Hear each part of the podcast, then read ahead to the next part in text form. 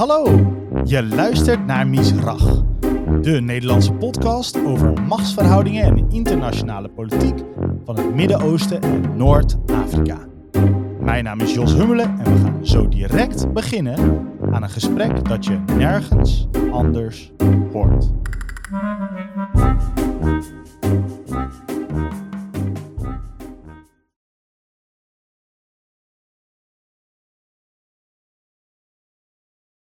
Islamitisch fundamentalisme is een totalitaire geloofsopvatting waarbij de aanhangers menen dat zij de enige waarheid in pacht hebben en dat zij daaraan het door God gegeven recht, of zelfs de plicht ontlenen, hun visie van de waarheid aan anderen op te leggen.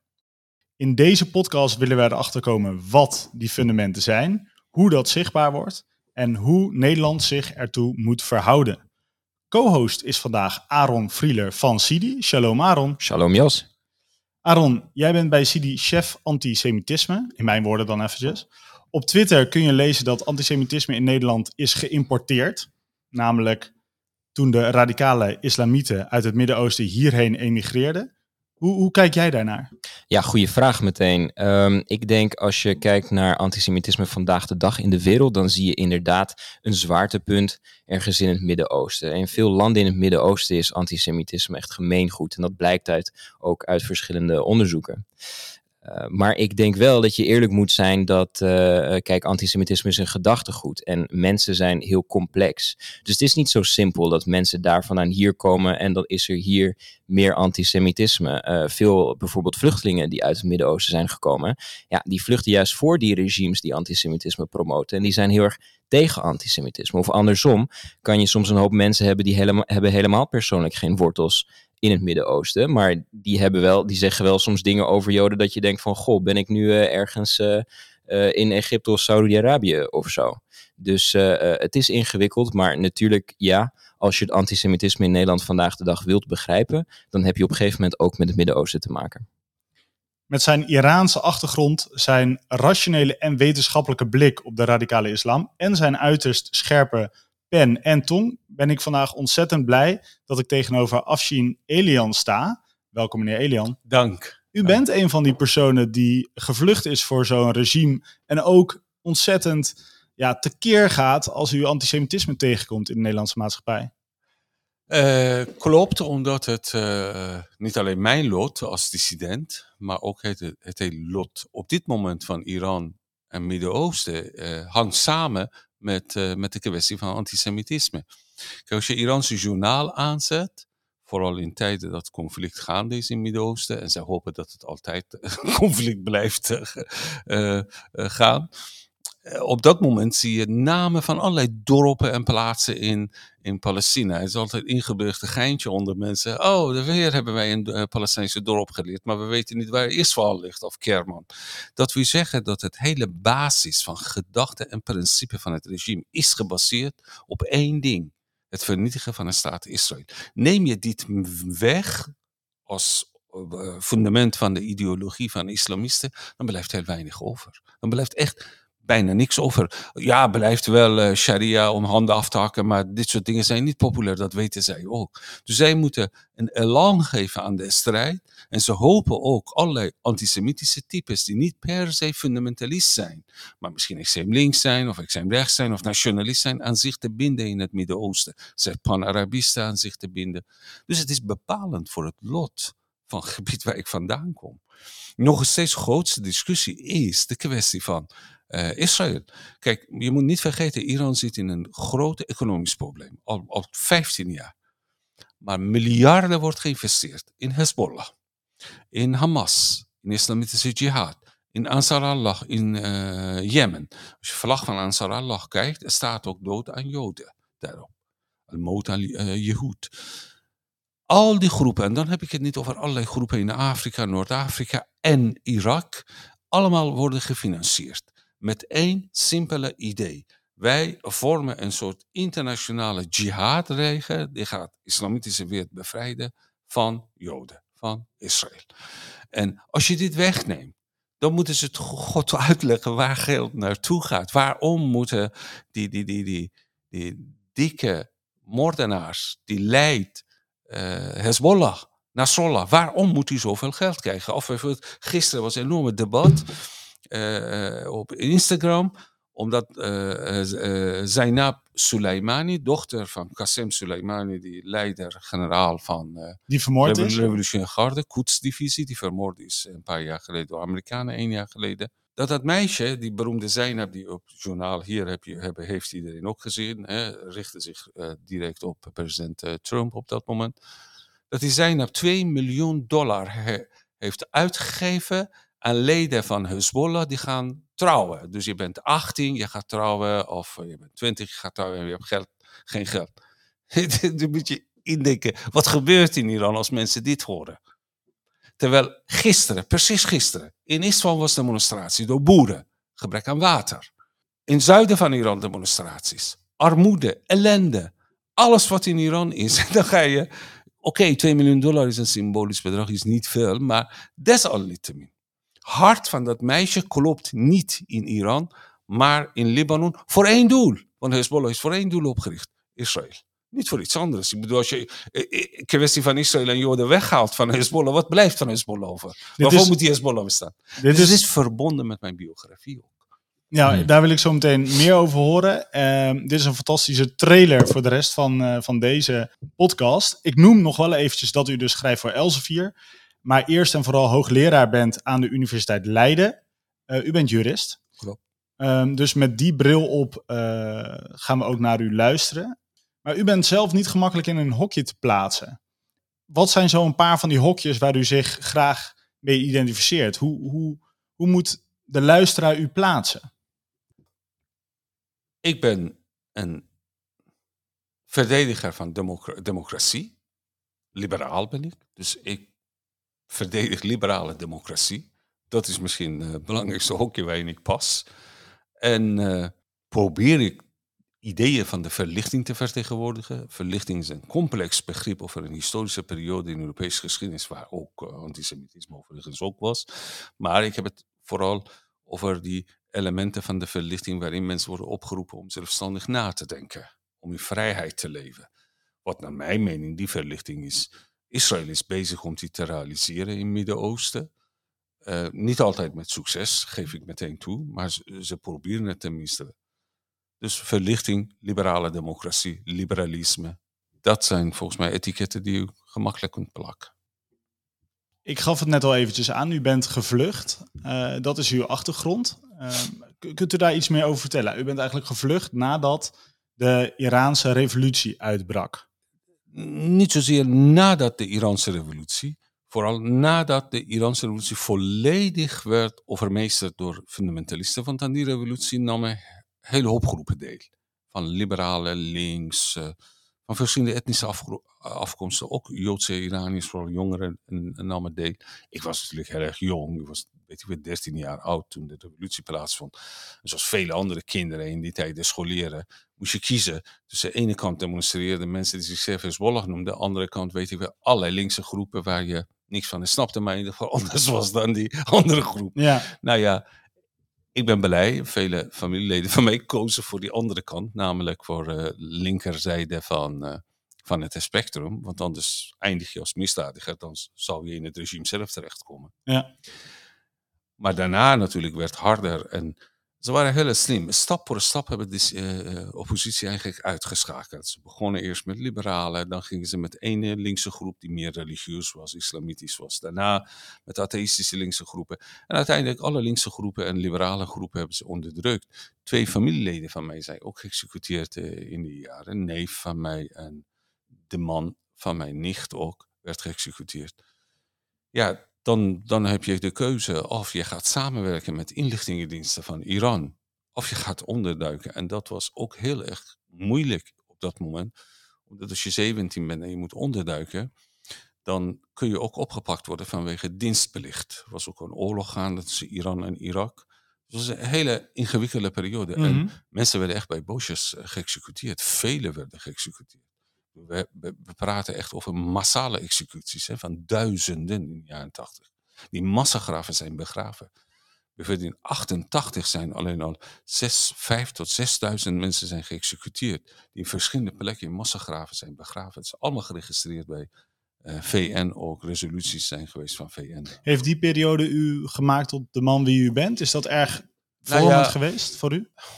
het, ik durf het niet op deze manier te zeggen, omdat verschillende perioden hebben mij gemaakt. Kijk, dan, als je 17 bent, jij- kijk, toen ik 13 was, dacht ik dat ik alles wist van de wereld. Dat wist ik natuurlijk niks. 17 ook, eh, eh, ook niet, eh, want je, je ziet islamisten, maar je begrijpt het niet. Je, ik- ik- mijn grootste vraag was waarom, kijk, ik was een kind, maar waarom al die linkse leiders die uit Europa kwamen?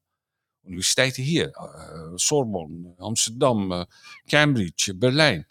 Dat die, dat, die, dat die allemaal mensen ronselen, jongeren, kinderen ronselen voor, voor ayatollahs. En ze zitten nu in de gevangenis en later zullen allemaal geëxecuteerd worden. Hoe is dat mogelijk? Hoe is dat mogelijk dat iemand die helemaal niet eh, islamistisch religieus denkt, zoiets doet? Ook waren heel veel andere vragen die ik me voorstelde. Bijvoorbeeld de vraag waarom zoveel mensen achter zo'n regime aangaan. Hoe, hoe- wat gebeurde eigenlijk? Waarom kon ik geen onderdakadres meer vinden? En waar ik ook belde naar familieleden, ze zeiden tegen mij, ja, we hebben vanavond een gast, een bezoek. Dat betekent dat ze doodsbang zijn, willen jou niet zien. Er zijn even vrienden van mij die buiten de stad sliepen, in de woestijnen buiten de stad of in de parken. Maar er kwam de revolutionaire garde regelmatig aanhouden mensen. Dus dat is heel gevaarlijk, had zij ook ontdekt. Ik heb zelfs in een kerkhof een keer geslapen.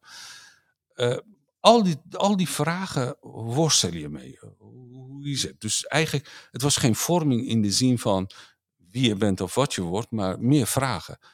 Daarna Pakistan heb ik gezien, Afghanistan heb ik gezien. Al die dingen, eh, tot ik eh, nog net niet 23, dus de laatste weken van 22 jaar oud was ik naar Nederland kwam ik. Toen ik wilde studeren, heeft iemand die vraag gesteld, waarom wil je studeren? Eh, ik wilde rechten studeren. Ja, dat vonden ze heel gek. Ook met terugwerkende kracht vind ik ook gek, want als je één jaar in, een paar maanden in Nederland bent en dan je wil ga je verklaren dat je Nederlands recht wil studeren, word je als gek verklaard. Die man zei, ja, ik ga zelf niet juridische brieven begrijpen.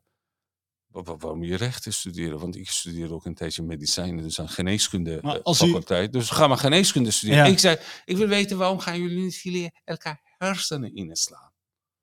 Hoe los je vraagstukken op? Aha, met recht is dan het antwoord. Althans, ja, daarna heb ik ook filosofie daarnaast gestudeerd, omdat dat vond ik ook nou net onvoldoende om, om fundamenten te begrijpen.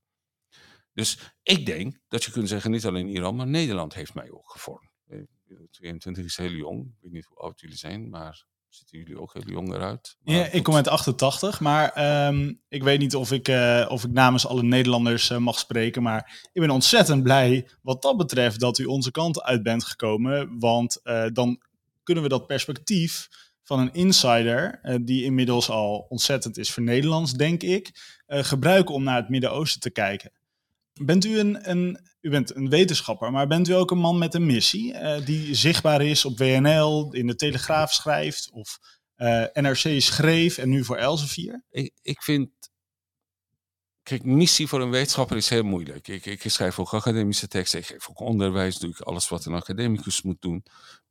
Voor het afgelopen jaar was ik alleen maar bezig met uh, wetenschap-filosofische vraagstuk van, uh, van Popper over verificatie en falsificatie. Dus iets heel andere Karl, staan. Karl Popper. Karl Popper. Dat is heel iets anders. Ik vind het altijd missie een hele gevaarlijke begrip. Hè? Zoals uh, iemand als Jean-Paul Sartre uh, was beroemd dat hij per maand ongeveer 200 uh, petities ondertekende. Daarom onderteken ik geen enkele petitie. Vanwege Sartre. Ja, want niemand, niemand meer serieus neemt als je ondertekent iets. Ja. Ik heb één keer wel een, een, meegedaan aan een advertentie, overigens van jullie, van CD, onder leiding van Esther Voet, van een fantastische, uh, fantastische dame en denker. En dat was, uh, ik weet niet, voor anti tegen antisemitisme en zo. Dat vond ik jou goed. Maar ik denk dat ik tegen Esther of anderen heb gezegd, dat is de laatste keer, hè? of twintig jaar weer nog een keer. dus doe ik niet mee missie in de zin dat ik, als ik in publieke ruimte verschijn, uh, heb ik missie nu iets voor elkaar te krijgen in de wereld? Die heb ik niet. Want ik vind dat dat strijdig kan zijn met mijn werk als wetenschapper. Maar wel op een andere wijze heb ik missie. Missie is namelijk, mijn missie is de democratie, een liberale democratie en vrijheid te beschermen. Dat vind ik belangrijk. En dat is heel simpel. Die missie is overigens niet ideologisch. Waar moet ik naartoe als dit ook wegvalt? En naar de maan Oké, maar dan hoef je nog... Nee, maar dan Er hoef- is geen vlucht. eh, eh, eh, dat is Maar niemand, niemand dwingt u om dan de radicale islam op de, op de snijtafel te leggen en dat te fileren. D- dat klopt. Dat was ook niet mijn plan ooit om dat te doen. Ik wil eigenlijk zo snel mogelijk vergeten dat dat bestaat. Eh, ik studeerde in Tilburg, was ik heel vrolijk. Martin Heidegger, Kant, weet je wel, Spinoza, al die soort mannen te gaan bestuderen. En vrouwen zoals Hannah Arendt, veel geleerd. En één ding dacht ik niet, islam. Totdat 9-11 kwam. Dus ik dacht, ja, ik kan het proberen te verdringen en te vergeten. Om over categorische imperatieven van Kant te hebben. Maar die is er hier. Die is gewoon mijn buurman geworden. Weer is het hier. Dus Nou, een, van de, een van de categorieën is tijd, dus die heeft u ingehaald. Laten we, laten we het hebben over het islamitisch fundamentalisme. U bent dus wetenschapper, eh, dus laten we ook beginnen met de definitie van islamitisch fundamentalisme. Wat is dat volgens u? Sorry, we moeten het er toch over hebben. dat is ook zo. Kijk, islamitische fundamentalisme. hem- vaak wordt hier verward met bijvoorbeeld protestants fundamentalisme of Joodse fundamentalisme. Die andere soorten fundamentalisme verwijzen alleen maar naar een strenge religieuze overtuiging die ja, hele beperkte betekenis heeft in de wereld, behalve in een eigen omgeving misschien. Maar islamitisch fundamentalisme is de, wat wij noemen islamisme, dus niet islam als individuele geloof van mensen. Dit is eigenlijk een, een samenstelling van politieke, militaire en religieuze opvattingen. Dus politieke, juridische, militaire opvattingen worden ge- gefundeerd met een beroep op religieuze opvattingen. En dat is precies de essentie eh, van hun denken. Dus islamisme is gewoon een juridische, politieke, militaire verschijning van oorspronkelijke islam. Dus van 1500 jaar geleden. Ten tijde van profeet Mohammed. En, en die zaken lopen door elkaar, politiek, juridisch en militair. Allemaal lopen door elkaar, ja. Eh, omdat voor elke militaire actie moet je een eh, juridische rechtvaardiging hebben. En juridische rechtvaardiging vinden ze niet in internationale verdragen, maar in sharia. Dus ze kijken naar handelingen van profeet Mohammed. Zou Mohammed nu dit gedaan hebben? Nee, Mohammed had vrede gesloten, maar alleen voor tien jaar. Bijvoorbeeld alle vredesverdragen of afspraken tussen Hamas en Israëlische overheid. Ik denk dat je nu gaat zeggen, dat u nu gaat zeggen, is tijdelijk. al- altijd, eh, Hamas zelf ook zegt, dit is tijdelijk. Oké. Ze, ze verbinden ook een tijd aan, bijvoorbeeld tien jaar of vijf jaar. Om het te, te, te rechtvaardigen, constant in de moskee vertellen. Ja, kijk, profeet heeft het ook gedaan, tien jaar. En dan zien we het weer. Met de belegering van Mekka en dan uiteindelijk vrede Precies, en toch... Precies. Ja. Dus hen, uw vraag, eh, dus al die militaire en politieke acties worden gerechtvaardigd eh, eh, via recht. Hen recht is ook uiteindelijk een religie. Voortvloeit uit een religieus geschiedenis. Dus een afgesloten cirkel. Daarom zijn ze zo dogmatisch, helemaal niet open voor de rest van de wereld. is daar waar het in Nederland soms misgaat in het begrip, want wij hebben religie toch een beetje buiten het recht geplaatst. Of is dat een valse aanname van mij? Nee, zo, zo is het ook. Baruch Spinoza in zijn politieke traktaat schrijft ook hij over die scheiding. Hij legt het ook uit hoe ingewikkeld zou ook kunnen zijn voor Hebreeuwse volk, gelet op het Oude Testament en zo. Zelfs daar ook uh, beargumenteert hij. Zolang geen Israëlische staat is opgericht, moet iedereen, dat is ook heel grappig dat hij dat hij toen de, dacht in die termen, moet iedereen, alle staten, dus seculiere staten die zijn in de wereld, gewoon gehoorzamen. En dan gaat hij verder natuurlijk, hele politieke filosofie gaat ontwikkelen en rechtsfilosofie, dat niet voor Joden voor iedereen is. Maar er is wel een zekere mate van een scheiding en dat is de basis. Dat is heel belangrijk eigenlijk voor alle Europese staten.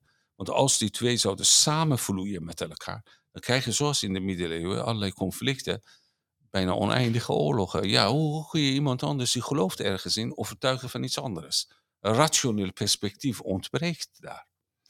En waar, waaraan kun je dan aflezen dat het regime in Iran binnen, de, binnen uw definitie past? Nou, dat zie je bijvoorbeeld in de manier waarop zij hun bijvoorbeeld rechtssysteem hebben ingericht. Hè. Het is gebaseerd op sharia. Het rechtssysteem is gebaseerd op sharia.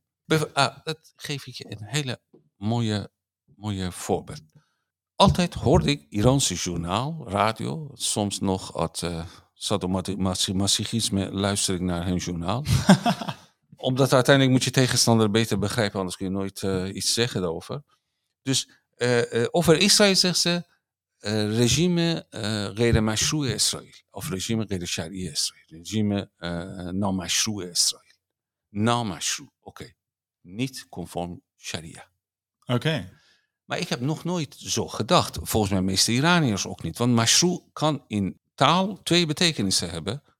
Althans, de tweede betekenis is een seculiere betekenis. Die geesten van mij hebben ooit verzonnen waarschijnlijk honderden jaar geleden. Namelijk wat gelegitimeerd is. Maar uiteindelijk, diepe betekenis van mashrou en mashrou. Uh, mashrouiyat en uh, komt van sharia.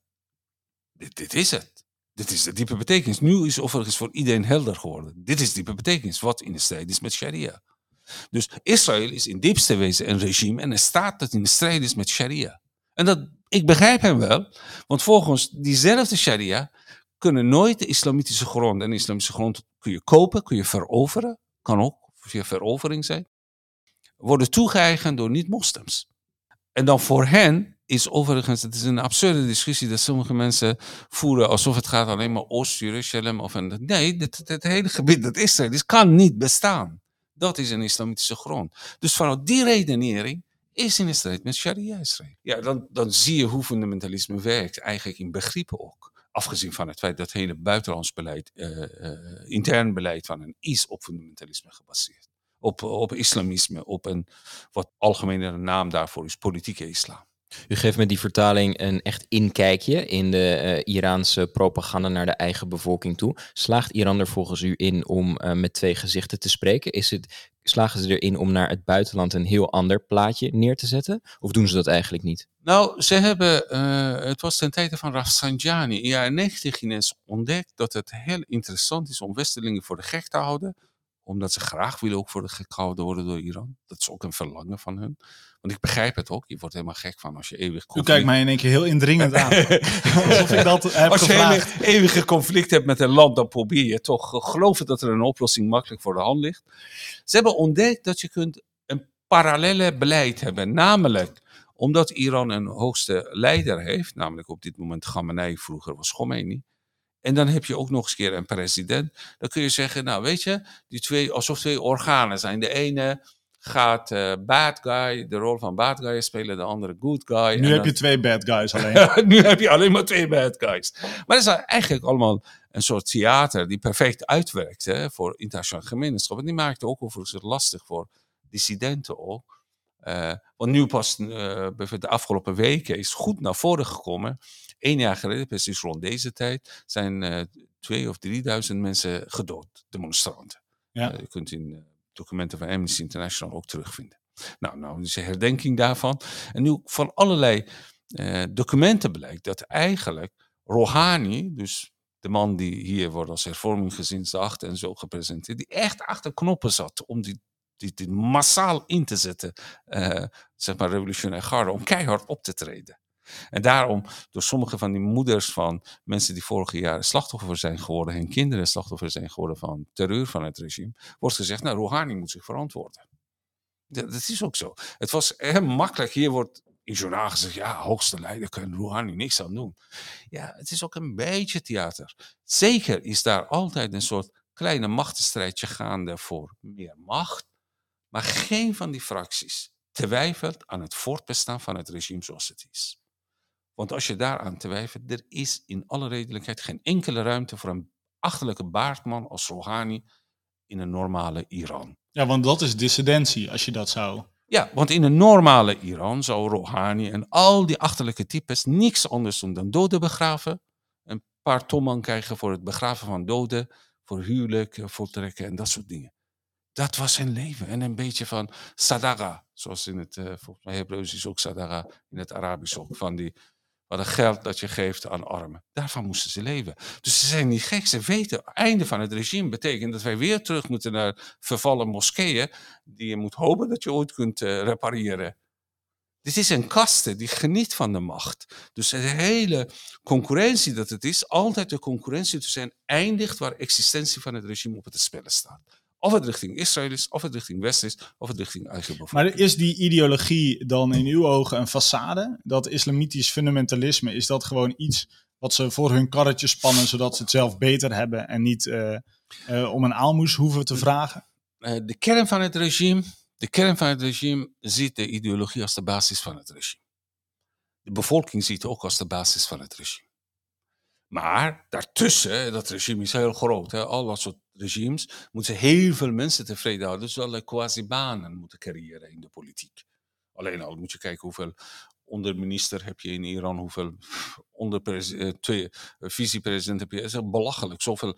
Dat is allemaal om concurrenten tevreden te Maar mijn vraag is eigenlijk... Maar kern van het regime ziet het als echt een uh, hart van het regime. Maar ge- geloven ze dat echt? Ja, of ze is het gewoon een kaart Nee, van een dictator? Nee, mensen als Soleimani, die was echt tweede man van Iran. Generaal Soleimani eh, van Revolutionaire Garde, die door Amerikanen is gedood in, In ja. in Irak. Die, die gelooft 100%. Die slaapt, die wordt wakker met één idee. Ik ben die Saladin die in Jeruzalem gaat. Uh, Khamenei ziet zichzelf als een soort voortzetting van 12e Shiïtische imam, voortzetting van profetisch beleid in het Midden-Oosten. Elke gebeurtenis in het Midden-Oosten herinnert hem aan begindagen van de islam. Een hele hoop andere van hun binnenrechtelijke macht, idem dito. Die mensen zijn echt geloof en die hebben, die hebben het systeem in handen. Geldt het ook voor de topstukken eh, van Hamas? De kopstukken?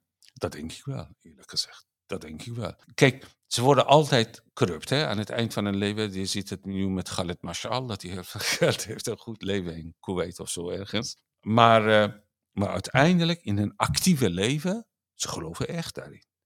Uh, en ze strijden echt. Ik herinner me, ik weet niet wat zijn naam was, was echt heel grappig. Uh, in 2000, ik weet het niet meer, 11 was, 10 was of 9. Uh, Barak was hier in Nederland, oud-premier van Israël. Maar ook een van die oud-chefen van Mossad was hier. Dus we waren bij een diner, een paar andere mensen waren. En, en ik, wij hadden enorme, volgens mij 2009 was, of 2008, we hadden een enorm meningsverschil over Hamas. Want hij vertelde een verhaal dat echt rook uit mijn oren kwam. ja, we kunnen met hen ook praten, we komen uit, we veranderen allemaal. En toen zei ik, ja, nou, ik hoop dat de Israëli's kan niet in veiligheid aan jou toevertrouwen in de toekomst. Want dit, dit is recept voor zelfvernietiging. Zei ik, dit is iets anders. Je En moet, wat is het recept voor zelfvernietiging? Hamas vertrouwen. Ja, en niet begrijpen dat die mensen ergens in geloven. Namelijk in het verwoesten van... Ja, ze geloven echt in. U, u verweet een Israëlisch bewindspersoon Ja, naïef was- te zijn in de ogen ja, van oud. Op dat moment was hij, hij moest ook ze, ze- hij moest lachen en op een gegeven moment werd ge, eh, hij zei ja dat, dat, dat is het conflict tussen, tussen Persen en eh, Joden. Zei ik ho ho wacht even wij hebben geen conflict. Is conflict tussen een naïeve Jood en een slimme Pers. Eh, nee, eh, maar goed, eh, we konden heel goed met elkaar vinden. Alleen, weet je wat het was? Ehm, en ik heb ook eerlijk gezegd, aanvankelijk was hij beledigd, maar hij begreep het wel. Kijk, het probleem is ontstaan door die, door die het probleem van Hamas en anderen. Kijk, toen men had zo'n analyse, die seculiere, corrupte types of linkse types zoals Arafat en Habash en andere, George Habash, die zijn heel gevaarlijk. Die kunnen we niet uitkomen, omdat men in het licht van het bestaan van Sovjet-Unie en China dacht dat die regimes zouden altijd steunen, die soort gasten. En die zijn echt revolutionairen. Die hebben meeste Joden ook gedood. Dat is ook waar in die tijd. Maar ze zagen in, in, in, in fundamentalisten eigenlijk mm, iets dat ze mee kunnen, mee kunnen toch dealen. Omdat ze dachten, nou, we hebben ook fundamentalisten in Israël. Ze, ze zijn van die ultra-ultra-joden. Ja, daar kunnen we toch ook praten en zo. En dit was een, een naïef idee. Ook heel veel van die mannen waren ook sociaaldemocraten in die tijd. En die dachten, we komen uit. Met die Arafat kon je niet uitkomen. Maar met die fundamentalisten wel.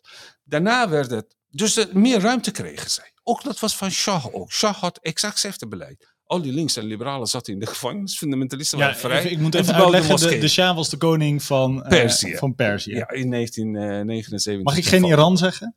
ja, Iran mag Oh, gelukkig. Iran ook. Maar nog even over dat, eh, dat, eh, de ideologie. Wat, wat hebben Hamas en de Ayatollahs op ideologisch vlak gemeenschappelijk? Dat maakt het juist een hele interessante case. Hamas en Ayatollahs. Ayatollahs zijn Shiiten, Hamas is van moslimbroederschap afkomstig en Soenieten. Dus Salafisten zijn ze in feite. Eén is Salafist, de ander is radicaal Shiït.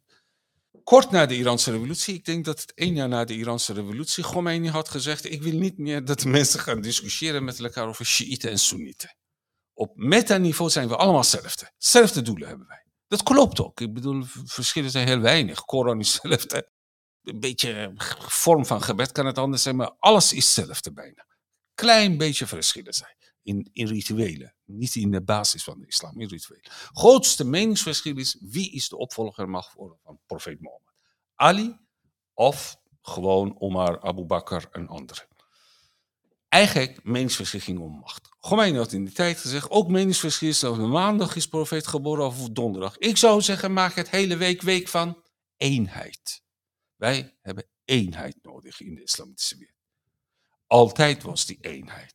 Die sharia-scholen, dat een beetje nuance is, dat mag altijd in de islamitische wereld. En dat vindt mos moslimbroederschap ook. En dus vanaf dat moment was beleid van Iran, al één jaar na de revolutie, met alle Soenieten. Dus begonnen ook met eh, moslimbroeders in Egypte. Ze hebben hele goede banden gehad in die tijd. Nog steeds hebben ze banden.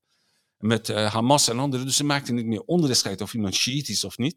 En vanaf, eigenlijk is het interessant, als je ook van het kant van Hamas kijkt, dat is ook waar. Kijk, het is politieke islam. Oké, de andere van het Shiïtische kijkt, de andere van het Salafisme. IS moet je vergeten, want dit is echt een heel iets anders is. En dan denken die Hamas, ja, we hebben dezelfde doelen. Amerika bestrijden, Westen bestrijden, leefwijze die Amerikanen en andere Westelingen in het Midden-Oosten brengen, onder leiding van Joden in Israël, dat moeten we bestrijden. Israël is inderdaad in de strijd met Sharia moet weg. Nou, we hebben zoveel dingen gemeen. En daarnaast Khomeini zegt, ik wil niet over Palestijnen regeren of over Pakistanis. Ze kunnen allemaal hun eigen emir hebben of hun eigen leider hebben. Een eigen, wel als je allemaal volgens de Sharia leeft. En die opvatting gaat terug naar een beroemde geleerde uit de middeleeuwen, Ibn Taymiyyah, dat na de val van islamitische kalifaat, van Abbasiden, toen Mongolen uh, Midden-Oosten aanvielen en de wereld. Die man is, is Syriërs overigens, een filosoof en een theoloog. Die dacht, nou ja, hoe moet je verder? Moet je nou naar een kalif zoeken, kalifaat oprichten? En hè, het was een imperium. We begonnen ergens in Bagdad, eindigde enorm uitgestrekt. enorm uitgestrekt imperium. En als dat niet zou zijn, dan is het de islam niet meer, want dat was eerste crisis. Hè? Een grootste identiteitscrisis. Voor al die volkeren die veroverd waren, van Egypte, Perzië, andere. Oké, okay, er niet. Zijn we nou moslim of moeten we terug naar oude gewoonte? Nou, het was heel interessant. Ibn Taymiyyah redeneerde, nee, wat ons als umma met elkaar verbindt, is niet de kalif of sultan of wat je ook noemt, is de sharia. Daar heb je het recht weer. Die wordt overal uitgeoefend, namelijk op tijd bidden, op een bepaalde wijze eten, strafrechtelijke maatregelen van sharia in acht nemen. Als je dit allemaal uitvoert, sharia, dan wat maakt het uit wie de regeerder is? Kan elk gebied een andere regeerder hebben? Eigenlijk een soort pluraliteit van leiderschap is gecreëerd, die verbindt iedereen met elkaar met sharia. Maar dat is de opvatting ook van Hamas, ook, van Khamenei. Khamenei wil ook sharia in Afghanistan. Alleen het enige wat ze aan Taliban vragen is, kun je, ik vind het wel een ironisch begrip, inclusieve regering vormen. nou ja, wij denken altijd aan inclusief iets anders dan, dan zij in het Midden-Oosten. Maar de, bedoeling is dat een beetje aan andere etnische groepen ook ruimte geven. Maar voor de rest met die sharia zijn ze het allemaal eens met elkaar. Ja, dan ga je toepassen. En uh, inderdaad, je kunt beperkingen opleggen. Enzovoort. Toch eventjes voor mijn begrip over het verschil tussen de Shiïtische politiek en de Soenitische politiek in het Midden-Oosten. Uh, in Iran, dus Shiïtische uh, theocratie, uh, daar ligt heel veel macht, zo niet alle, eigenlijk in de hand van de Ayatollah. Een, klas, een klasse van de Ayatollahs. En in, in, in een land van, als Saudi-Arabië, een van de grootste Soenitische landen, daar hebben ze juist weer die, ja, die overeenkomst met, met de Wahhabistische ja. imams. Daar hebben we een van de vorige afleveringen over in deze podcast-serie Misrach. hoe, hoe, schuurt dat niet een beetje met elkaar, toch? in de uitleg van die... Kijk, die, die, die Shiiten lijken op katholieke kerk. Die heeft een organisatie. Dat maakt het ook een stuk makkelijker. Iemand kun je aanspreken daar aan de top. En die Soenieten hebben op die manier niet een organisatie. Of de Soenieten komen naar mijn mening, mijn bescheiden mening, eerder in overeenstemming zijn ze met oorspronkelijke islam dan Shiiten. Maar maakt het niet zo veel uit, want uiteindelijk gaat het om dat begrip dat we genoemd hebben, sharia. Want allemaal, ook in Saudi-Arabië, één ding willen. Je moet volgens sharia leven. Vrouwen moeten hijab in acht nemen. Je moet een duidelijke standpunt hebben over het voortbestaan van Israël. Heette geen Israël, was een uh, Armeense staat in Noord-Syrië, idem dito. Moet je daarover ook een mening hebben, namelijk dat die niet mag bestaan. Nou, alleen Saudi-Arabië is natuurlijk een hele andere complexe vraagstuk. Want u hebt het terecht gezegd, het zijn twee pilaren. Dus je hebt de staat, je hebt dan die Wahhabistische, zeg maar, uh, uh, geestelijke, mullahs. De staat had een overeenkomst met hen. De staat bood hen ruimte om, om in onderwijs en overal actief te zijn. Maar die is aan het veranderen. We zien Bin Salman, je kunt heel veel kritiek hebben op Bin Salman, terecht ook. De kwestie van Kashgavi, Khashoggi en andere uh, vraagstukken misschien. Maar Bin Salman is wel heel radicaal bezig om Saudi-Arabië te veranderen. Heel radicaal. Hij heeft ook gezegd tegen uh, Thomas Friedman van New York Times, was twee, drie jaar geleden, zei, ik wil niet weer een generatie onder radicalen komt en radicaal wordt. Ik wil Saudi-Arabië veranderen. En hij is echt daadwerkelijk mee bezig. Kijk, het gaat er niet of, die men, uh, of Ben Salman of andere leiders zijn prettige mensen. Het gaat het om wat zij veroorzaken. Hij verandert. De positie van vrouwen is aan het veranderen. En je ziet het ook, Wahhabisten worden steeds ook uh, in nauw gedreven. Er zijn uh, imams die worden aangehouden. Maar goed, dit zijn ook allemaal tegelijkertijd grote dreigingen voor Israël. Weliswaar Saudi-Arabië nu met Israël kan goed omgaan. Maar het zijn allemaal instabiele regimes. Omdat uiteindelijk de strijd, kom ik terug bij de eerste vraag draait het om de toekomst van islamitische volkeren. Het gaat om een hele simpele vraag. Simpel, met veel doden en gewonden bij om het te beantwoorden. Zoals in Europa moest ook beantwoord worden 500 jaar geleden. Bij godsdienstoorlog. Wat is de rol, de positie, de plaats van de religie in de publieke ruimte? Moet op basis van de religie buitenlands beleid worden gevoerd? Moet op basis van de religie voor een man-vrouw verhouding worden geregeld, ethiek worden geregeld, recht worden gefundeerd. Dit is een grote strijd. Dit is een strijd die nu toevallig in Saudi-Arabië Ben Salman dat voert, in Iran dissidenten voeren, ergens iemand anders die strijd voert. Die is onbeslist gebleven. Die strijd gaat door. Op dit moment fundamentalisten zijn sterker dan degenen die in, in zo'n godsdienstconflict verwikkeld zijn, namelijk tegenstanders. Maar ja, in de toekomst kan het anders zijn. Maar het probleem is dat dat gebied is een rijk gebied in de wereld met gas en olie. Was dat niet zo geweest, dan waren mensen veel gelukkiger geweest, want die strijd kon een natuurlijkere wijze verlopen namelijk. Want nu constant heb je inmenging van andere volkeren, of het nou Rusland is of China is. Heen het geld geven en een bepaalde regimes in stand houden, of bepaalde groeperingen. Kijk naar Taliban, China, 2 miljoen dollar, 20 miljoen dollar vorige week heeft hij aan Taliban gegeven om Oeigoeren tegen te houden, terwijl die Taliban vertegenwoordigen politieke islam daar. Dus ja, dat maakt het allemaal ingewikkeld, omdat uh, andere landen ook zich inmengen met, met de politieke structuren daar. En natuurlijk Midden-Oosterse landen zelf, uh, zoals Saudi-Arabië, de Golfstaten en Iran, ook rijk aan gas en olie. Zeker, zeker. Dat is, uh, daarom ben ik ook voor energietransitie, want het zou heel, heel fijn zijn voor de hele wereld en voor volkeren in het Midden-Oosten, dat ze uiteindelijk gaan aan iets anders denken dan alleen maar olie en gas. Nog een extra argument. een extra argument, zeker. Zometeen gaat Misrach verder over die thema's. Maar eerst is het tijd voor een intermezzo. Je gaat luisteren naar een column van Geert en Waling. Ook van Elsevier, die hebben we bereid gevonden. Dus dat is echt fantastisch. En hij heeft de titel meegegeven De legitimiteit van Israël. Van weinig landen staat het bestaansrecht zo voortdurend ter discussie als van de staat Israël. Terreurbewegingen als Hamas en Hezbollah zijn in en om Israël voortdurend aan het werk om het land te beschadigen en het liefst zelfs te vernietigen. Maar ook zijn er heel wat staten, zoals Iran, die het land van de kaart willen vegen. De gast in deze podcast, professor Afshin Elian, weet daar alles van. Zelf weet ik veel minder over Israël. Ik mocht ooit een fascinerende studiereis maken door het beloofde land, maar verder put ik mijn kennis over Israël vooral uit het binge-watchen van de spannende thrillerserie Fauda op Netflix. Wel schrijf ik regelmatig over iets dat veel met Israël te maken heeft: de democratie. Niet alleen omdat Israël zelf een democratische rechtsstaat is, maar vooral omdat vrijwel alle andere landen in het Midden-Oosten even vijandig lijken te staan tegenover de democratie als tegenover Israël. In deze antidemocratische, vijandige regio houdt Israël stand omdat het een zelfbewust en welvarend land is natuurlijk, met sterke partners elders ter wereld. Maar ook heeft Israël het geluk dat de rest van de regio behoorlijk achterloopt. Als het gaat om economie, technologie en levensstandaarden, maar zeker ook op het gebied van de democratie. Daar zijn verschillende redenen voor. Een belangrijke reden is dat de Arabische landen geen sterke natiestaten zijn.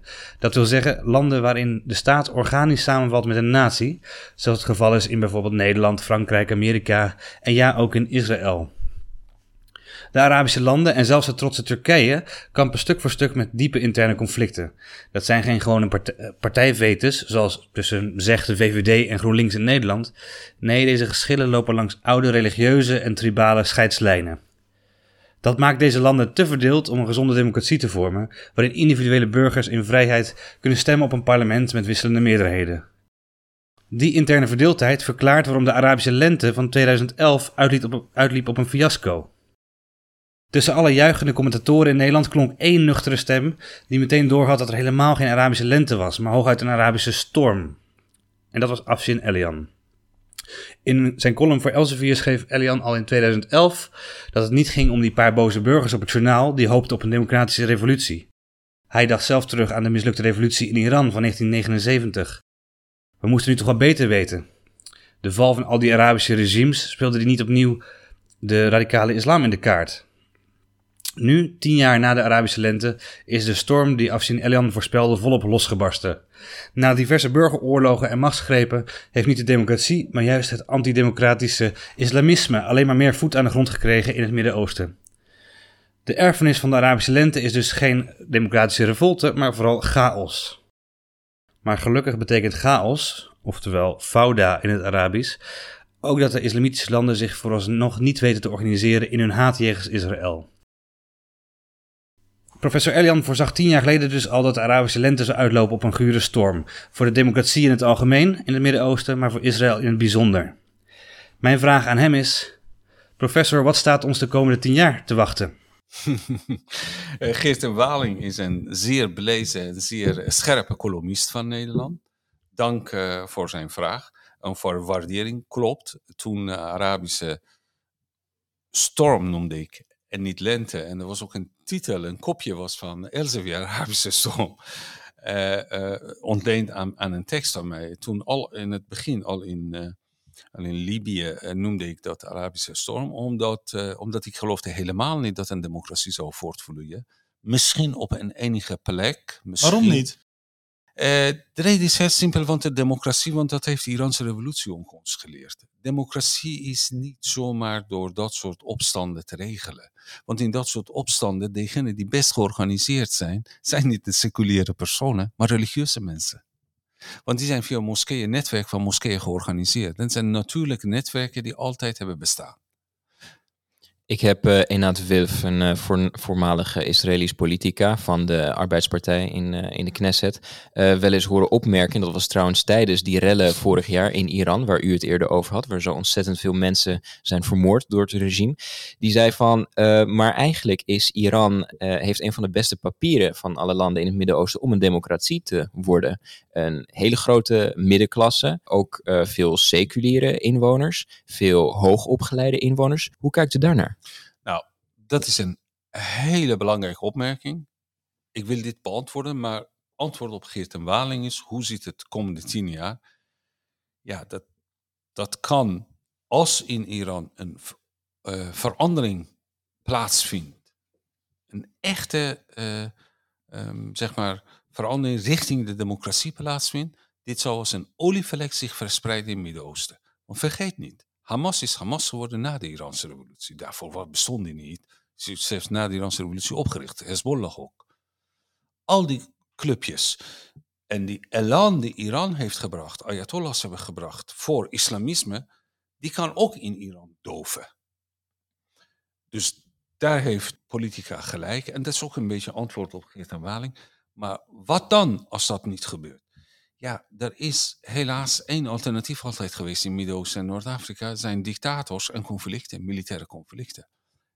Diep uit mijn hart hoop ik dat er geen militaire conflict komt tussen Iran en Syrië, eh, Iran en Israël. Dan kun je zeggen, ja, die is nu gaande, ja, maar niet rechtstreeks, op een bepaalde wijze indirect is. Zoals Koude Oorlog tussen de Sovjet-Unie en Amerika.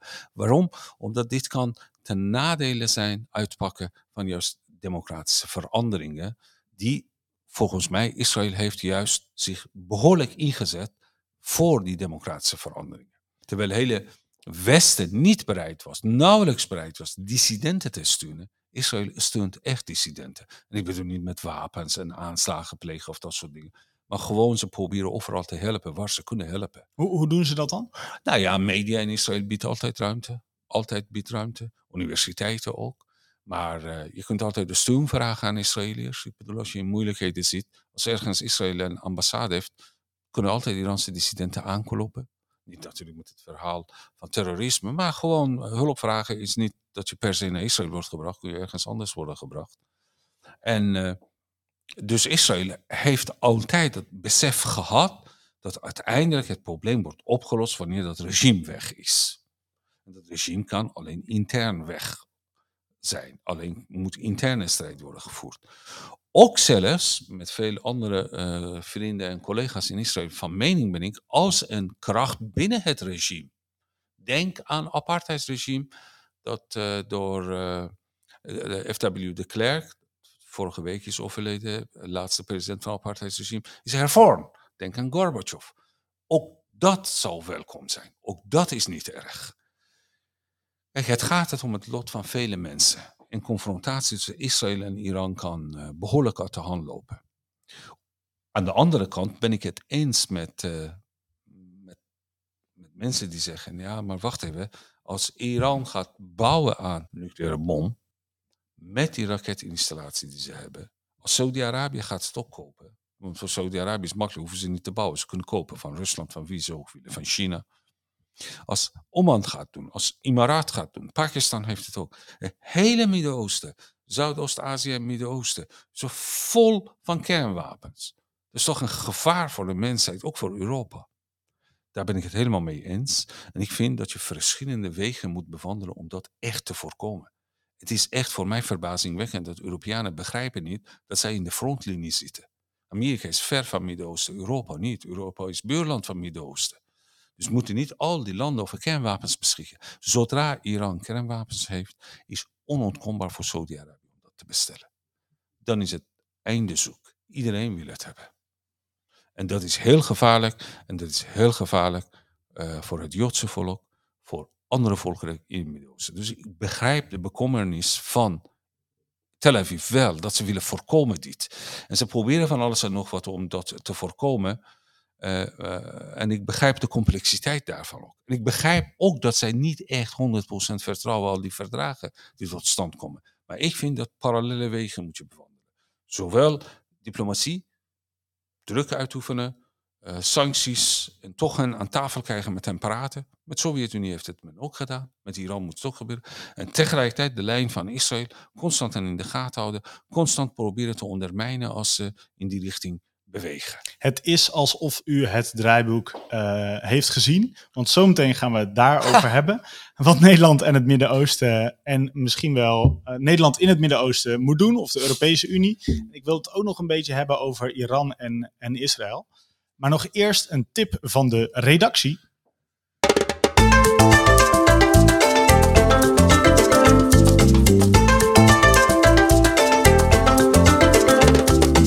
Ken je de Afrikast al?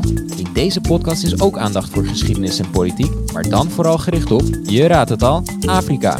Je hoort inspirerende sprekers over innovatie, cultuur en ondernemen in Afrika. De podcast wordt gemaakt door een groep jonge vrijwilligers. Mijn persoonlijke favoriet is de aflevering over China in Afrika.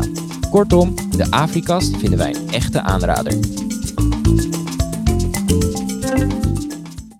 In een verbonden en verweven wereld als de onze is Iran een speler waar ook wij in het veilige Nederland toch iets mee moeten. En in uw geval ook iets mee hebben, dus ook het graag ziet dat daar iets mee gebeurt. U had het over dat twee, uh, die twee, dat twee sporen beleid. Hè? Wat, is het, uh, wat kunnen wij in het Westen leren van het beleid van Israël jegens Iran? Nou, wat je kunt leren is dat je moet ook wantrouwen koesteren. Dus niet alleen kijken, nou, Rouhani of Zarif hebben een uh, papier uh, ondertekend om, om niet meer te verrijken dan 1,2 of 3 procent uranium. maar je moet ook in de gaten houden via inlichtingendienst. En je moet ook die bereidheid hebben daadwerkelijk te ondermijnen. Dus als je signalen hebt, dan moet je niet gaan weer onderhandelen, heeft geen zin. Met zo'n regime moet je gewoon meteen ondermijnen. Dat is heel belangrijk, dat kunnen ze van Israël leren. En aan de andere kant, wat ze ook moeten echt doen, is echt een schandalig gelet op missie van de Europese Unie, waarden van de Europese Unie. Ze moeten dissidenten ondersteunen. Het is echt niet te geloven dat zij constant met die, hun gesprekspartners Ayatollahs zijn en niet Iraanse dissidenten. Welke schrijver of dichter heeft ook Timmermans ontvangen? Of weet ik wel, uh, Mogherini, vroeger uh, buitenlands woordvoerder. Ik ken nog wel een schrijver en dichter die ook dissident is. Staat tegenover me. Dat klopt. Dus als Timmermans niet- meeluistert, beste Frans. Nee, en iets anders eh, komt in één keer in me op. Iran en Israël zijn Ja. eigenlijk landen die nu diametraal voor het oog, voor ons westerse oog, tegenover elkaar staan. Ja. Maar dat is helemaal niet zo. Leg even uit. Nou, als je met een Iranier praat, ik bedoel, met mij kun je op allerlei manieren praten. Ik ben een nederpers, dus eh, van alles en nog wat in mijn borrelt. Eh, allerlei volkeren zitten bij mij, in mijn bloed en in mijn hoofd, in mijn eh, ziel. Dat is geen probleem. Persen zeggen altijd, of Iraniërs zeggen altijd, islamitische regime of islamitische republiek. Nooit zeggen ze Iran. Ze vinden een belediging om Iran te laten samenvallen met islamisten. Ah. Dus de taal van dissidenten is, ik ben zelf ook een paar keer streng toegesproken, althans per mail door dissidenten. Je hebt weer Iran genoemd, waarom zeg je niet Islamitische Republiek? Nou ja, dan, dan, dan geef ik deze persoon, ja, dat doe ik steeds, maar het is lachwekkend. Als China iets doet, zeg ik niet Republiek China of zo, maar China. Dat is heel gebruikelijk in het Westen op deze manier uit te drukken, maar daarmee wordt niet gezegd het land of het volk. Maar afgezien van eh, dit eh, grappige opmerking, want ik vind dat je van alles kan zeggen wat je denkt, want jij hebt het ook uiteindelijk over het islamische regime. Of islamitische staat. Overigens, Iran zichzelf presenteert constant in journalen en alles als islamitische staat. Hè? Het is nu een beetje grappig als je dat vertaalt in Een beetje het Nederlands. gekaapt, die term. Ja, als je het vertaalt in het Nederlands, komt eh heel anders over dan misschien vijf jaar geleden. Namelijk als IS. Yes, Ja. ja. En ze, claimen allemaal islamische staten zijn, ook eh, Taliban. Maar nog En even terug naar de vraag. Wat hebben Israël en Iran gemeen? Want ik ga namelijk zo meteen vragen. Ik verklap het alvast. Want wij in het Westen hebben eigenlijk ook meer met Iran en Iraniërs dan we misschien op het oog denken. En misschien kunnen we dat juist ook inzetten. Nou, Israëliërs hebben meer met Iran. Laat ik Israëliërs maken eventjes Joden. Oh, ik begrijp, Israël is niet, bestaat niet alleen uit Joden, maar heeft allerlei burgers, ook eh, Meerderheid Joden. Meerderheid Joden. Maar goed, eh, door, door, door, eh, door Jood, Joodse mensen opgericht. Oké, wat hebben ze met elkaar? Ehm, na de Iraanse revolutie werd Habibullah al-Ghanian, een hele rijke Joodse man, opgehangen. Drie, vier weken na de revolutie. Aan zo'n hijskraan, toch? Hij werd, eh, hij werd door revolutionaire rechtbank ter dood veroordeeld als een spion van Israël. Ja, er was nog geen buitenlands beleid in Iran, maar ze, ze hadden wel een spion voor Israël gevonden. Het is een rijke man, een miljardair, die, die, die heel veel liefdadig, aan liefdadigheid deed. Allemaal voor moslim, maar maakt niet zoveel uit, want hij is een Iranier. In Iran ga je niet zeggen, ben je Jood of ben je moslim of ben je katholiek. Toen niet. Toen niet, nee, precies. En, eh, en iedereen was echt diep geschrokken, want hij had een bijnaam gekregen van, van mensen in Iran, Haji.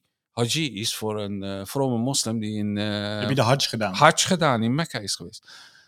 Dus de Joodse rabbis en uh, een paar andere uh, invloedrijke mannen, die, die willen met die Khomeini praten. Maar ja, hoe moet je nou een revolutionaire leider aanspreken? Uh, die, hij zat toen 200 kilometer ver van Teheran in Rom. Zoals ik in verschillende artikelen heb gelezen van mensen die bij waren. Ja, uiteindelijk hebben ze ontdekt dat het beste is bij hun kinderen te raden gaan. Althans, kinderen die 18 waren of 19, want die waren allemaal revolutionair. Die kenden revolutionair, die weten de weg naar, naar revolutionair leider. Ja, het is, uh, velen begrijpen het niet, maar waren ook heel veel katholieken, joden, joodse kinderen, die allemaal links waren, revolutionair waren. Nou, toen uiteindelijk gingen ze naar Rom met een busje. En die moesten de hele nacht wachten. Toen kwam de zoon van Khomeini, Ahmad Khomeini, hen nodigde in de moskee uit. Daar uh, namen ze plaats. Khomeini kwam, begroette iedereen. En zij hebben hen, en althans een rabbi, of misschien opperrabbi was, heeft zijn uh, verontwaardiging en vooral uh, bezorgdheid geuit. Is dit de manier van de komende jaren de revolutie omgaat met Joden? En toen Khomeini had gezegd, nou, daar is een beetje discussie wat hij precies had gezegd, maar volgens een aantal mensen die bij waren, had hij gezegd: Israëlische Joden, die zijn onze vijanden. Die, zijn, die, die, die, die, die mogen nooit in Iran zijn, die zijn onze vijanden. Die moeten ook weg. Maar Iraanse Joden, zolang ze uh, islamitische staat, die wordt nu opgericht, respecteren de wetten, horen bij ons, die zijn onze Joden. Nou ja, er is een dispuut. Onze Joden, dat klinkt wel goed. Ja, ja, ja, ja, onze Joden, die kunnen zijn. Ook niet betuttelend of zo. Maar ja. Nou, uh, dan, uh, maar ze moeten Israël niet gehoorzamen. Ze moeten geen contacten met uh, Joden van Israël hebben. Nou, da- daarna mm, in allerlei eh synagogen in Iran hangt een, korte uitspraakje van Khomeini van die avond. Dat uh, Zionisten en Israëliërs, eh, die, die zijn vijanden van ons. Maar Joden die hier wonen, Iranse Joden, zijn eh, onze mensen. Die kunnen hier zijn. En het zou altijd veilig kunnen zijn. Maar goed, Joden besloten hebben het weg te gaan terecht ook. Want de meeste Joden na Israël woonden in Iran in 1979. Dus niet in Nederland, niet in Amerika, maar in Iran. Wat hebben die twee mensen met elkaar? Nou, een van die mannen die bij was, toen was hij volgens mij eh, 30 jaar oud of zo, 25 jaar oud. Die had heel geëmotioneerd eh, ooit verteld. Ja, die Ayatollah zit uit de nek te kletsen. Ik als Jood, Iranse Jood, heb ik meer rechten in Iran dan al die Ayatollahs bij elkaar. Die zijn pas 1400 jaar geleden Die uitgevonden. komen net kijken. Ik kom er net kijken, ik ben al 5000 jaar daar. Mijn voorouders hebben gevochten voor dat land. Tegen allerlei, eh, eh, zeg maar, legers. Van Mongolen tot eh, allerlei andere legers. Dat is ook waar. En een van de effecten van, van dat eh, antisemitische beleid van het regime is geweest. Dat de hele dag over Israël heeft. Alsof de wereld bestaat uit één land, dat is Israël. En één missie heeft Iran Israël van de kaart vegen eh, één effect heeft gehad, namelijk de bewustwording over die nauwe, nauwe verwevenheid tussen volkeren van Iran, want Iran bestaat niet uit één volk, volkeren van Iran, van Mhm. Koerden tot uh, Azari, Baluch, Joden, weet ik veel, uh, christenen, met, uh, met Joden. En die bewustzijn is steeds, eigenlijk ze prikkelden allerlei mensen, ook dissidenten, om, om naar, die, naar, naar die verbondenheid te kijken. Wat ze in 1979 niemand wist wat het verhaal van Esther is. Nou, nu weten, weten velen. Oh, Esther. Esther ja. was een prinses. Onder ja, het, uh... een Joodse, Iraanse Joodse prinses was. Nou, noem maar een ander land die het heeft. Nederland in ieder geval heeft niet gehad. Duitsland ook niet. En antieke, dan kom je ook in de Bijbel tegen. Maar goed, nu... Cyrus de Grote, enige koning mm -hmm. met Exercus. Uh, enige koningen zijn niet-Joodse prinsen die, die zo met eerbied worden genoemd in het Oude Testament. En daarnaast zie je dat die betrokkenheid nu langzamerhand komen. Verschillende mensen mogen vertellen hoe Iran en Israël met elkaar omgingen in de tijd van Shah, dus jaren 50 en 60. Blijkt nu dat er verdrag was, nu blijkt het, tussen Iran, Israël en Turkije om Koerden te steunen tegen Saddam Hussein in die tijd sturen niet alleen wapens geven, maar medicijnen. Proberen hun leven Oké, okay, maar nu begrijp ik eigenlijk wat de ideologie is. Ze willen uh, Israël en Amerika van de kaart vegen, zodat Israël. zij... Amerika willen ze niet van de kaart Nee, maar zodat zij weer zoveel mogelijk Joden in Iran hebben. Dat ze weer een belangrijke Joodse staat zijn in Iran. nou, niet helemaal. Je zou zo bij ze kunnen gaan werken. ja. Ja, nou, dat is heel leuk. Uh, uh, ik had ooit gezegd, ja, of geschreven ergens, de eigenlijke. Na, na Israël, de eigenlijke beste plek voor Joden was en is Iran. En moet opnieuw Iran worden. En dit is overigens. Nou, laat het hopen. Het is, het is, ze hebben het binnengebracht eigenlijk door hun obsessie voor Israël. En dat is wat ik in mijn leven heb geleerd. En mij heeft gevormd. Obsessie voor Palestijnen en Israëli's is heel gevaarlijk.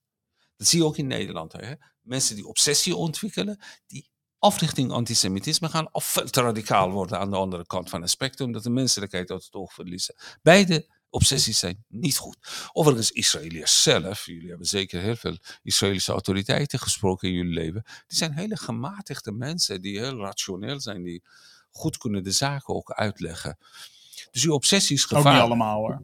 Ja, daar heb je ook radicaal. Maar u heeft gelijk. Maar u wordt ook strijdbaar hè, als u die obsessie hoort. Maar nog even mijn vraag.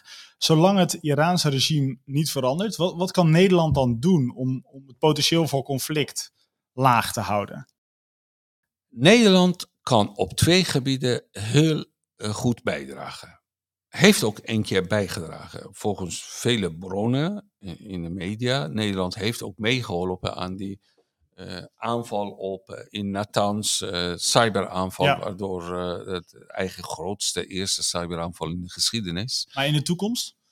Ja, in de toekomst. Kijk, Nederland kan enerzijds die diplomatieke lijn volgen, namelijk Iran onder druk zetten om, om te onderhandelen, Iran onder druk zetten om die bereik van die raketten te beperken, Iran onder druk zetten om beter om te gaan met dissidenten. Maar aan de andere kant kan Nederland, heeft die potentie ook, heeft die bewezen met de inlichtingendiensten, om uh, Iran beter in de gaten te houden. Waar Iran, zeg maar, de grenzen van die afspraken die ze hebben gemaakt zou hebben geschonden, dan met bondgenoten zoals Israël, Amerika en anderen te bespreken hoe ze dat gaan aanpakken. Je moet altijd blij zijn. Ondermijnen wanneer Iran dichtbij een kernbom komt, uh, islamitische regime. Steunen, onder druk zetten om aan tafel te komen te praten. Overigens, met, met Sovjet-Unie was, ik zag zelf, de ondermijning was ene kant, niet zozeer ondermijning dat ze geen kernbom hebben, ze hadden kernbom, maar ondermijning op alle andere gebieden, economie, uh, politiek, ondermijning. En aan de andere kant ook diplomatieke gesprekken voeren. Met de Sovjet-Unie is het een koude oorlog gebleven. Deze oorlog wordt steeds warmer. Wat heeft de Europese Unie in haar toolbox om uh, dat te voorkomen? Nou ja, heel weinig, uh, vrees ik. Rusland heeft meer dan de Europese Unie. Rusland heeft meer invloed ook op, op de situatie. Kijk, het is warmer geworden. Uh, u verwijst naar een situatie in Syrië, hè, waar revolutionaire garde en Hezbollah worden regelmatig gebombardeerd. Maar ook uh, ontvoeren van personeel van schepen, weet ik veel. Dat soort zaken. Ja, Europese Unie heeft niet zoveel, behalve als de Europese Unie echt besluit neemt om niet eenzijdig alleen Israël onder druk te zetten. Want dat is wat de Europese Unie nu doet en dat is dom. Want als je alleen Israël onder druk zet, je vergeet dat een totalitair regime daar is. Israël is uiteindelijk een democratische rechtsstaat. Oké, daar gebeuren ook dingen die misschien niet goed zijn, kun je kritiseren. Maar ik vind, balans moet komen. Als ze kritiek hebben op Israël, moeten ze iets als Iraans regime gewoon onder druk zetten. Omdat dit een totalitaire staat is die vijand is van de Europese Unie, van Amerika, van, van democratische rechtsorders. Nog even over de Nederlandse rol, los van de EU. Uh, u zegt dus Nederland zou uh, kunnen helpen met inlichtingen, dien, uh, inlichtingen en ook diplomatiek onder druk kunnen zetten en dergelijke. Zoekt Nederland die rol ook, volgens u? Er is nu bijvoorbeeld een defensieattaché voor de Nederlandse ambassade in Teheran. Daar is wel eens kritiek op. Heeft die attaché dan de functie om Nederland te helpen in die rol? Hoe ziet u dat? Ik weet niet in welke rol die Nederlandse attaché werkt. Ik wil ook niet speculeren. Maar die rol is natuurlijk, als Nederland kan die rol spelen, is natuurlijk heel geheim en uh, onduidelijk voor ons ook. Maar gelet op alle berichten van afgelopen jaren zie je dat Nederland een goede inlichtingenpositie heeft in het Midden-Oosten. Het is niet zo dat Nederland een slechte positie heeft. Dat heeft ook niets te maken met uh, de toestand van Syrië, waardoor Nederland moest meer aanwezig zijn in het Midden-Oosten. Maar in Iran sowieso zijn uh, meer aanwezig. Maar ik denk dat het heel belangrijk is op dat gebied maar dat geldt ook voor Duitsers. Je ziet van tijd tot tijd in Duitse uh, inlichtingenrapporten, jaarlijkse inlichtingenrapporten, dat ze over Iran eh, speciale aandacht besteden. De wijze waarop Iran met dissidenten buiten Iran omgaat. Of uh, bijvoorbeeld over ontwikkeling van nucleaire projecten in Iran. De laatste keer was een hele scherp rapport van Duitsers. Ja, dat kun je zo'n rapport niet opstellen als je niet een soort inlichtingenpositie hebt of samenwerking met andere landen. Spannend.